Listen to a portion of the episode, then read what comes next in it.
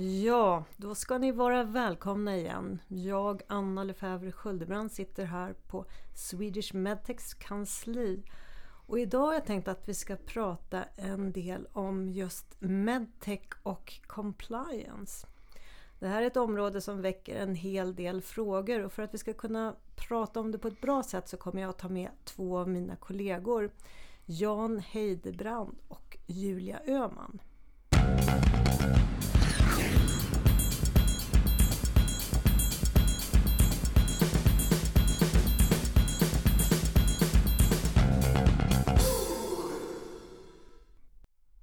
Hejsan Jan och Julia!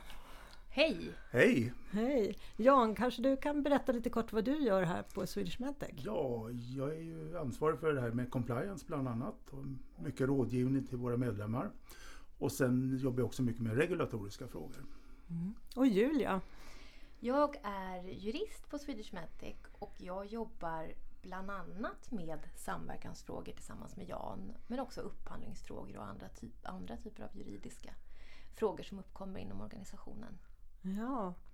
Jag, jag har ju bjudit in er här för att jag har tänkt att vi ska prata om compliance. Ett fantastiskt roligt område. Verkligen. Absolut. Ja, en fråga som kanske många av våra lyssnare funderar över det är det här med samverkansregler och, och compliance.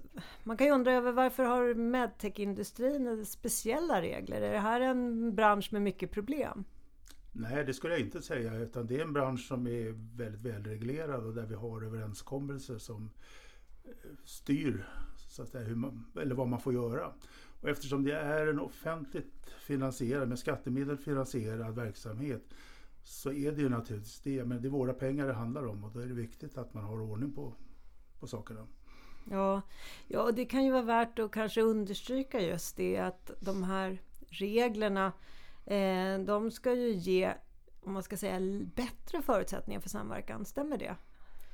Ja, det handlar ju mycket om att vägleda industrin och vården i hur man får samverka. För samverkan är ju någonting som är både väldigt viktigt och helt nödvändigt för utveckling av den medicintekniska industrin. Och vi vill ju inte att man misstänkliggör den här nödvändiga samverkan och därför är det ty tydligt och bra med ett regelverk. Mm. Och då kan man ju kanske fundera lite kring vad är det som finns i de här reglerna egentligen? Vad är det de säger? Ja, bland annat så definierar de ju hur till exempel sponsring får försiggå. Och sponsring det handlar om att man stödjer ett vetenskapligt möte. Det är ju kostnaden för det vetenskapliga mötet som man kan bidra till som företag. Och eh, då är det viktigt att man visar hur man ska titta på sponsringen och vad som är sponsringsbart. Mm. Så hur, hur, fungerar reglerna här? Är det så att de är väldigt detaljerade så att man kan läsa och förstå eller? Eh, ja men det skulle vi ändå vilja ja, säga. Att regelverket är ju väldigt tydligt. Eh, uppdelat i olika kapitel kan man säga för olika typer av samverkan. Mm. Eh, sen håller vi också utbildningar i samverkansavtalet Precis. där vi går igenom avtalet grundläggande eh, varje del för sig så att man får ännu mer information kring mm. hur man har tänkt när man har tagit fram bestämmelserna. Mm, ja precis. Och det, det kan ju vara bra att känna till just att åh, det här avtalet omfattar ganska många olika typer av samverkan. Och det är inte bara just situationen när det är en leverantör som vill träffa eh, en sjukvårdsanställd i vården. Utan det är även en hel del andra situationer som, som berörs på olika sätt. Mm. Något som kan vara viktigt också att komma ihåg att det är en gemensam överenskommelse. Den är mm. framtagen tillsammans med alltså industrin, eh, tillsammans med hälso och sjukvården. En gemensam överenskommelse där alla, alla tillsammans har bestämt vad som gäller. Både medicinteknik och läkemedel och eh, IVD-industrin omfattas ju av det här avtalet. Samma avtal. Mm. Och jag menar, hur ser det ut då? Vi, vi pratar om ett avtal här och vi pratar om industrin. Men jag antar att ni ser att det är två avtalsparter. och Då kanske det är några på andra sidan som också omfattas? Mm. Eh, det är SKL som är, är part i avtalet om man tittar på hälso och sjukvårdssidan. Och där omfattas ju egentligen all offentligt finansierad vård. Eh, och även vissa eh, privata vårdgivare som, har, som också har anslutit sig till avtalet.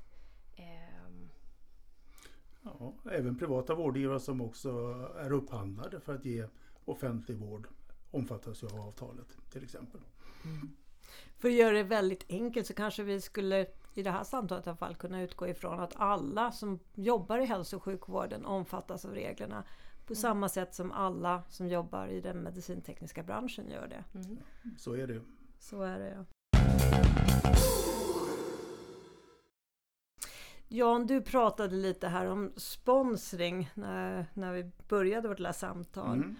Sponsring, jag tycker det där det, det är någonting, ett ganska svårt begrepp. Ja. Eh, vad är det egentligen? Jo, men det handlar ju om att man som företag stöder ett vetenskapligt möte och det är bara kostnaden för själva den vetenskapliga delen av mötet som man kan bidra till. Och i gengäld så ska ju företaget få någonting tillbaka som exponering eller möjlighet att på en utställning visa vårdpersonalen nyheter inom medicinteknikområdet. Mm. Så att det är ett ömsesidigt arrangemang till nytta till slut för patienterna. Då. Men Julia, är det så då om man säger att man får sponsra ett, ett vetenskapligt möte, men är det okej okay för mig eh, att sponsra till exempel en disputationsfest på avdelningen när någon har disputerat? Nej, det är ju inte tillåtet utan det ska finnas en koppling till företagets verksamhet och man får bara sponsra en viss vetenskaplig eller yrkesmässigt arrangemang. Eh, man får inte sponsra interna aktiviteter eller den här typen av arrangemang som du, som du just eh, berättade om. Ja. Och jag menar, hur bedömer man det här? Vad menar ni? Jan, du nämnde att det skulle finnas något, någon nytta för sponsorn också. Ja. Vad innebär det i praktiken? Ja? ja, det innebär ju att eh, på något sätt så ska den som sponsrar få något tillbaks som är proportionellt när det gäller kostnader då till exempel. Och eh, det kan ju handla om att eh, man till exempel får delta på en utställning eller att man får någon typ av exponering. Man kanske får ett föredrag i, eh, under kongressen eller något liknande. Så att den typen av så att säga, vetenskapliga och för patienten till nytta eh, saker handlar om. Mm. Få visa upp kanske sina produkter? Ja, eller? och instruera mm. så att säga, vården om nya produkter som kommer. Och, förhoppningsvis ger ett bättre nytta för patienten. Mm. Ja, och då, man kan ju fundera lite över det här med sponsring. För att jag tror att det är ganska många som ser det som att sponsring, då kan man väl inte gärna kräva så mycket tillbaks. Men det är fel då? Ja, absolut. Ja, det ska vara en ömsesidig nytta för båda parter när man går in i ett sponsringsförhållande. Och en proportionalitet mellan vad man lägger in och vad man får tillbaks. Ja. Ja, det är uppenbart att det här är ett område som man kanske behöver dyka ganska djupt i. Men jag funderar över en annan sak också och det har ju varit ganska aktuellt eh, under lång tid men jag har sett en, en hel del i, inom just området serviceinformation. Och jag vet att serviceinformation är ett sånt där ord som brukar väcka kanske fler frågor än svar när man hör det första gången. Vad är det egentligen? Mm. Ja, det handlar ju om att vi har eh, både det gamla direktivet och den nya förordningen som styr vad en tillverkare av medicinteknikprodukter måste göra. Och där ingår ett absolut krav på att man dels ska utbilda sina kunder i ett korrekt handhavande så att det är patientsäkert. Och sen ska man också följa upp på produktens användande i vården så att man är säker på att det fungerar som man förväntar sig. Och de här kraven gör ju att eh, företagen måste träffa hälso och sjukvårdspersonal för att dels utbilda dem och dels för att följa upp på produkter. Och det är den här tillgången till personalen som så att säga, serviceinformationen reglerar. Det som är viktigt att komma ihåg när vi pratar om serviceinformation att den gäller bara för produkter som finns upphandlade eller på annat sätt tillgängliga för vården. Mm. Man, får in, man, får inte lämna serviceinformation på produkter som, som vården alltså inte har tillgång till. Och det handlar alltså inte om produktinformation eller marknadsföring av nya produkter utan det är produkter som man kan använda eh, och finns tillgängliga.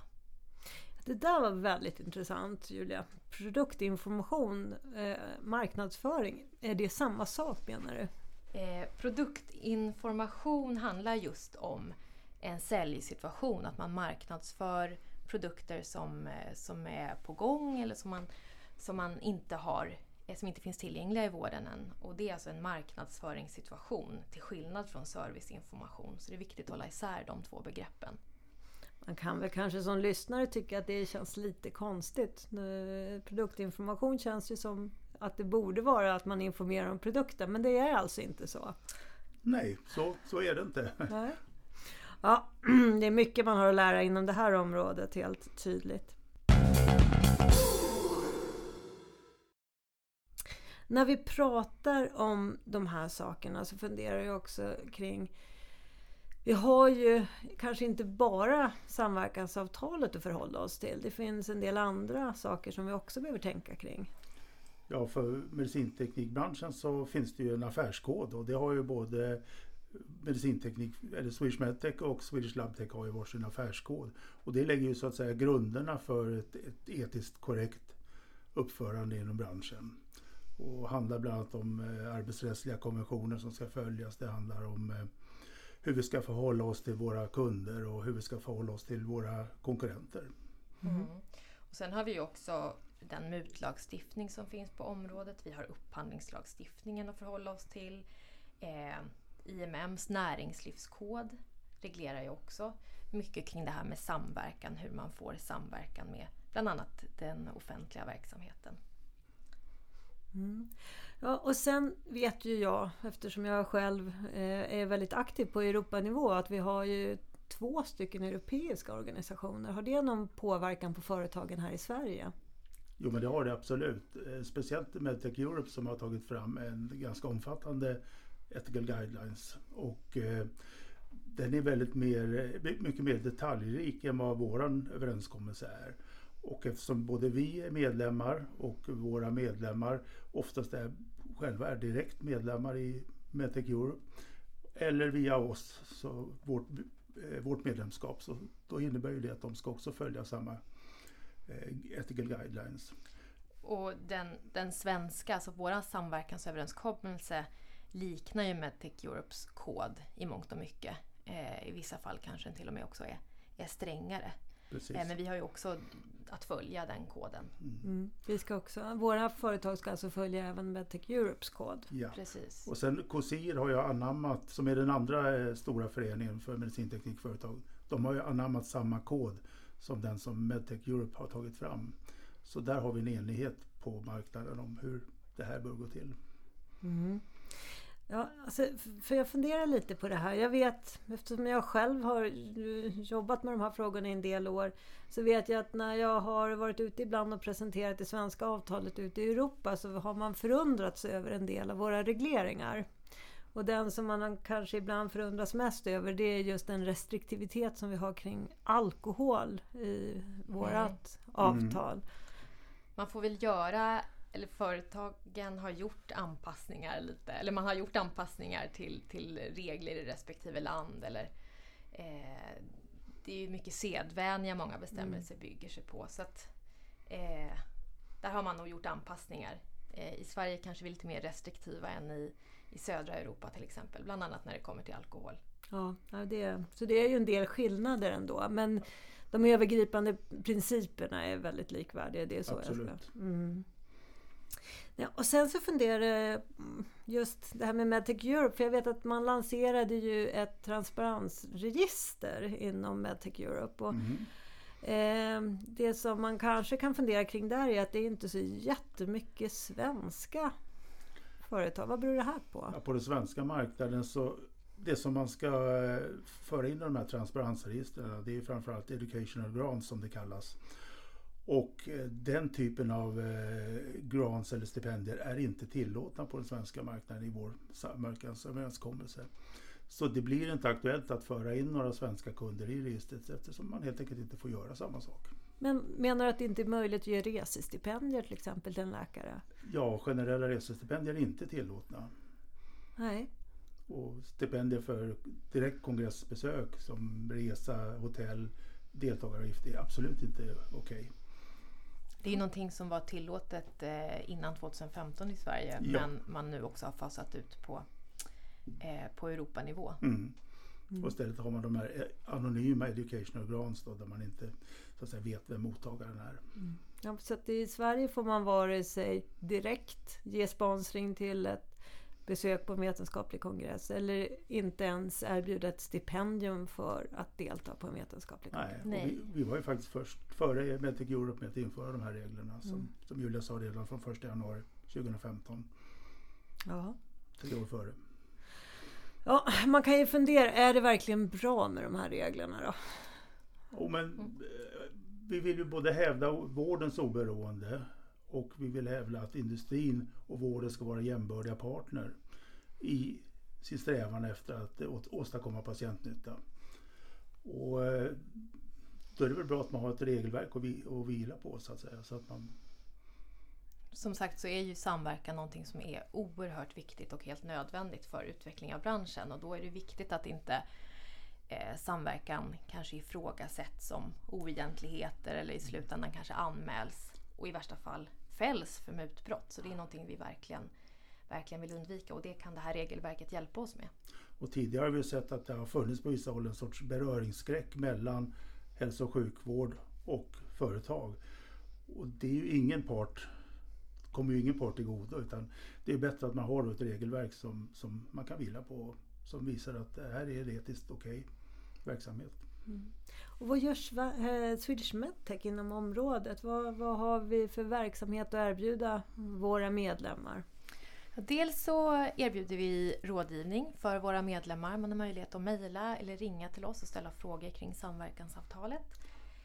Och det ska vi säga att det också händer ganska ofta att vården hör av sig till oss eftersom de inte har motsvarande möjlighet.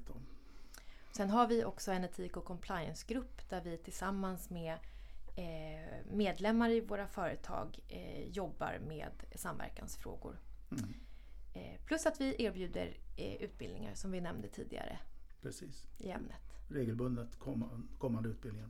Mm. Och det finns ganska mycket information på vår hemsida också, eller hur? Ja det gör det absolut. Det är bara att leta upp samverkansöverenskommelsen så får man hänvisning till alla de stöddokument som finns till överenskommelsen och, och även till våra europeiska överenskommelser. Dessutom finns det en engelsk översättning där om man har behov av det. Ja. Och för er som har lyssnat och funderat så, så, finns det till och med en del avgöranden i situationer när man har brutit mot de här reglerna. Det kan ju också vara intressant att titta lite närmare på. Ja, precis. De ligger där, granskningsnämndens beslut i ärenden som har avgjorts av nämnden. Mm. Ja, men vad är det då som är viktigast med avtalet? Ja, det är ju att man så att säga, definierar samverkan. Samverkan är ju oerhört viktigt både för hälso och sjukvården och för industrin och för patienten. Därför att om man inte kan samverka, hur ska man då kunna dels utveckla verksamheten och dels hur ska man kunna få in nya produkter, säkra produkter som är till nytta för patienterna. Så ja, samverkan är helt avgörande. Och då vill man ju inte att samverkan ska kunna misstänkliggöras på något sätt det fanns ju tidigare på vissa ställen en beröringsskräck mellan vård och industri. Och det är ju ingen som är betjänt av det. Så därför är det bra att man definierar vad samverkan är och hur det ska gå till. Man kan helt enkelt sammanfatta och säga det att samverkansavtalet är till för att underlätta samverkan. Absolut, och det kommer alltid patienten till godo. Ja, ja, men det låter ju väldigt, väldigt bra. Ja, men jättestort tack både till dig Jan och dig Julia för att ni har hjälpt till att belysa det här svåra ämnet. Tack så jättemycket. Ja, tack. Roligt.